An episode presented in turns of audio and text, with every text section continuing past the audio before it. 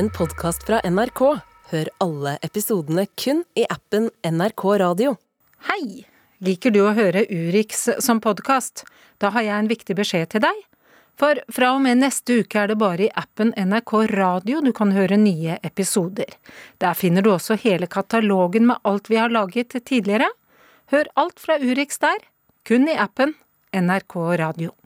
А так, це мова країни, яка напала на мою країну. Alexandra kom inn i bokhandelen med en stor pose full av bøker. 20 bøker hadde hun med seg. Og dette her var bøker hun overhodet ikke ville ha i hjemmet sitt lenger.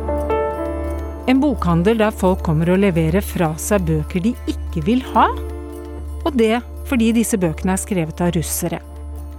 For i Ukraina blir russisk språk og kultur svartelistet, og det mens millioner i landet fremdeles har russisk som morsmål. Du hører på Urix om krigen i Ukraina. Jeg heter Marit Kolberg.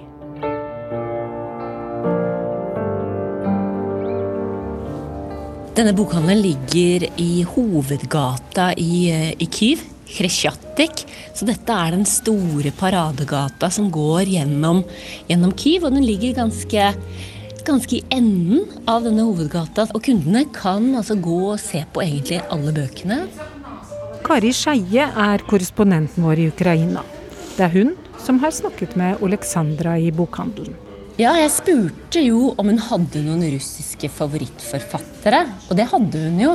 Så hvordan blir det nå da, spurte jeg, og da sa Alexandra at eh, nei, det var trist å ikke kunne lese den russiske store kunstneren Pusjkin lenger, men at hun skulle bytte sine russiske favorittforfattere ut med ukrainske forfattere, og det så hun fram til. A lot of things changed uh, after 24th of uh, February of last year, and Russian books uh, are the part of all this situation. So they don't want to see the language of killers and occupate, uh, occupation, occupators uh, in their house. Dette er Lydia som jobber i denne bokhandelen. Hun insisterer på å snakke engelsk, selv om hun sliter med noen ord, sånn som når hun skal omtale russere som okkupanter. Da jeg kom inn første gangen og lurte på om dette her var den bokhandelen jeg hadde sett denne reportasjen på ukrainsk TV, eh, så spurte jeg henne om jeg kunne snakke russisk med henne. Og da sa hun no, no, no, no, no, no, no Russian in this shop. Hun kunne russisk. Hun er eh, født og oppvokst i et hjem hvor faren er ukrainsk, men moren har alltid vært eh, russiskspråklig. Så der hjemme så snakker de russisk og ukrainsk om hverandre. Men etter at Eh, Russland invaderte Ukraina i fjor, så har Lydia slutta å snakke russisk, og hun sier at hun aldri vil snakke russisk eh, lenger i livet sitt. I sovjetperioden var Ukraina utsatt for det som ble kalt en russifiseringspolitikk. Men i 1989 ble ukrainsk offisielt statsspråk i denne ukrainske sovjetrepublikken. Og selv om det er mange i dag som snakker og forstår både russisk og ukrainsk godt, så har språkstriden vært betent. Sånn som her i 2012. Da gikk det en kule varmt i parlamentet. Da det skulle stemmes over en ny språklov, endte det i håndgemeng.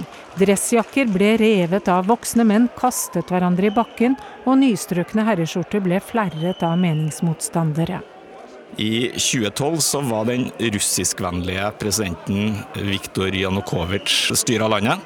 Og eh, det han gjorde, var å innføre en språklov i 2012 som styrka det russiske språkets posisjon i Øst-Ukraina. Martin Paulsen kjenner Ukraina godt. Han leder Institutt for fremmedspråk ved Universitetet i Bergen. Og det her, Ukraina, altså 2012, var et Ukraina som var i ferd med å bli stadig mer autoritært under Viktor Janukovitsj. Og da var det og de heftige parlamentsdebattene som gikk over til å bli slagsmål, det var liksom en del av måten å vise at man var uenig på, da. Siden har det vekslet fram og tilbake med forskjellige språklover. Nå er det påbudt for ansatte i butikker, kontorer og offentlige stillinger å henvende seg til andre på ukrainsk. Før man eventuelt slår over på russisk, da. Hvis man vil.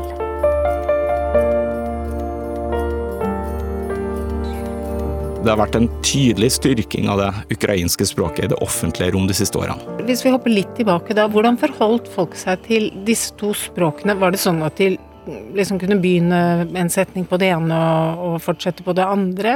Ja, det kan man gjerne gjøre. og I Ukraina så har man gjerne hatt TV-program for eksempel, hvor man har hatt en programleder som snakker ukrainsk, og en programleder som snakker eh, russisk. Men nå velger mange av de 14 millioner ukrainerne som snakker russisk, å bytte morsmål. Det viser en forandring fra 2017 til 2022.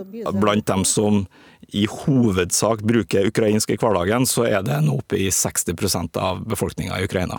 Forrige gang så var det da eh, nede i, eh, i 50% i underkant av 50% Og Paulsen mener denne utviklingen bare har akselerert. For det å snakke russisk i Ukraina behøver slett ikke å bety at man ønsker å være en del av Russland. Og Sjøl om du har russisk som morsmål i, i Ukraina, så betyr jo ikke det at du er pro-russisk, at du støtter krigen eller at du er russiskvennlig. I forrige uke så var, så var, vi på en tur til Kharkiv, som ligger helt øst i Ukraina. Ukrainas nest største by, og der bor det jo over én million mennesker. Og der snakker jo så å si alle, alle russisk, men også der så bytter, så få gater nye navn. Pusjkin-statuen er, er tatt ned. Da jeg snakka med folk der, så var det ingen som syntes at det var problematisk at russiske gatenavn forsvant. Det var noe de var helt enig i. I flere byer har kraner fjernet statuer av russere. For det er ikke bare litteraturen som blir svartelistet. Også i operaen blir kjente verk tatt av plakaten. Kyiv-operaen ble stengt eh, da Russland invaderte landet i fjor. Eh, og da operaen åpna igjen i mai, så var det rett og slett ikke noe mer russisk på programmet.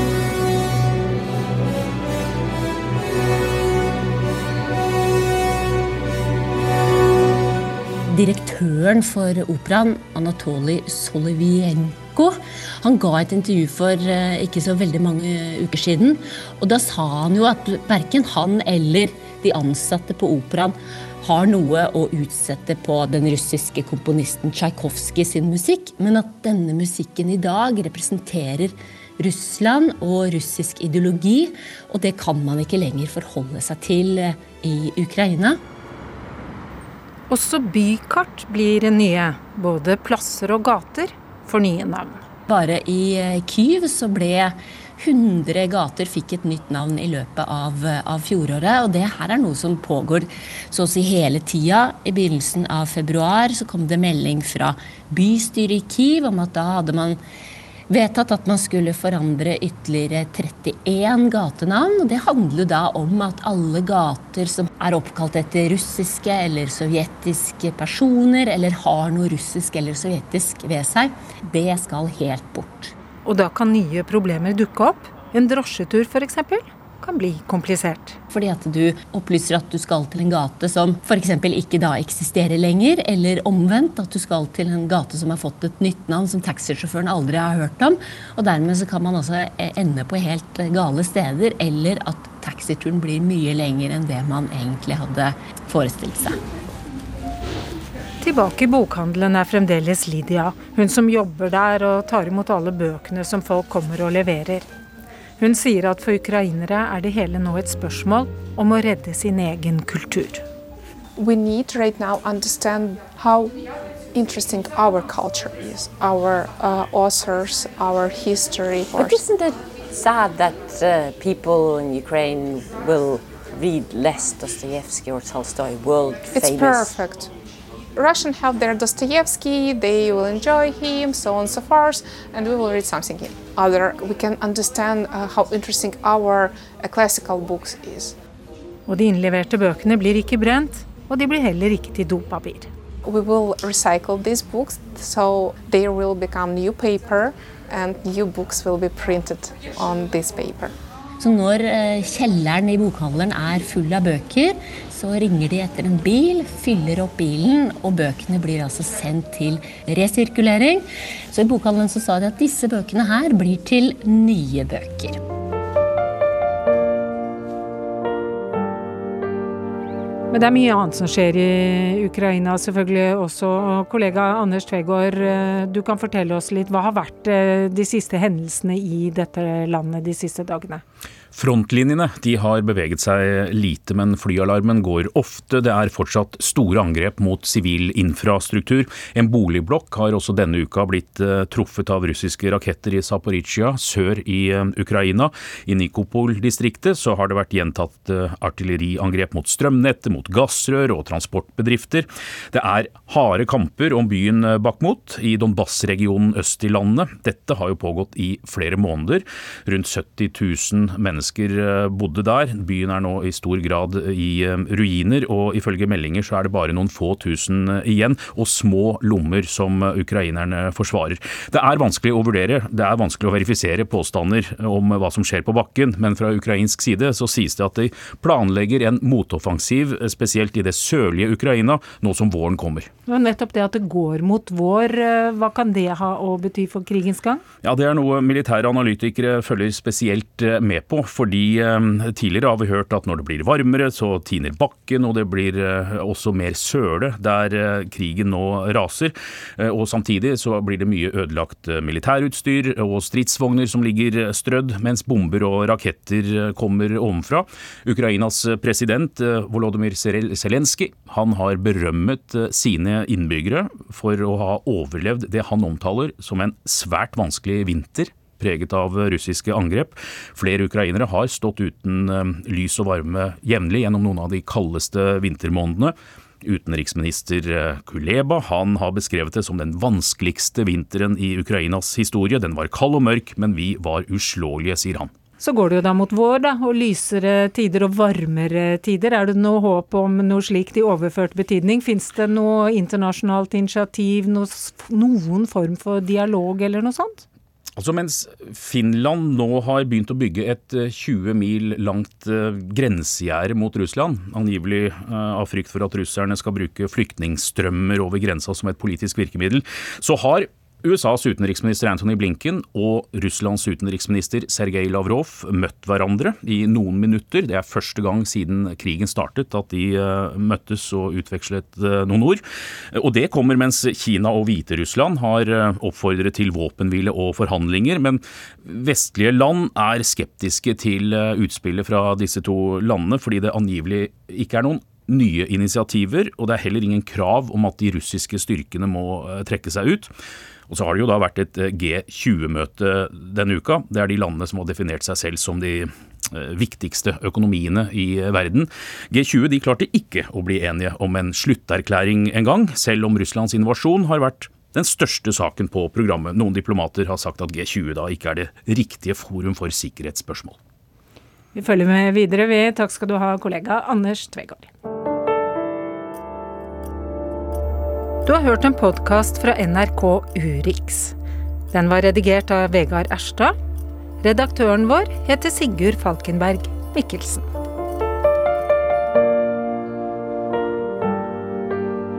Du har hørt en podkast fra NRK. Hør alle episodene kun i appen NRK Radio.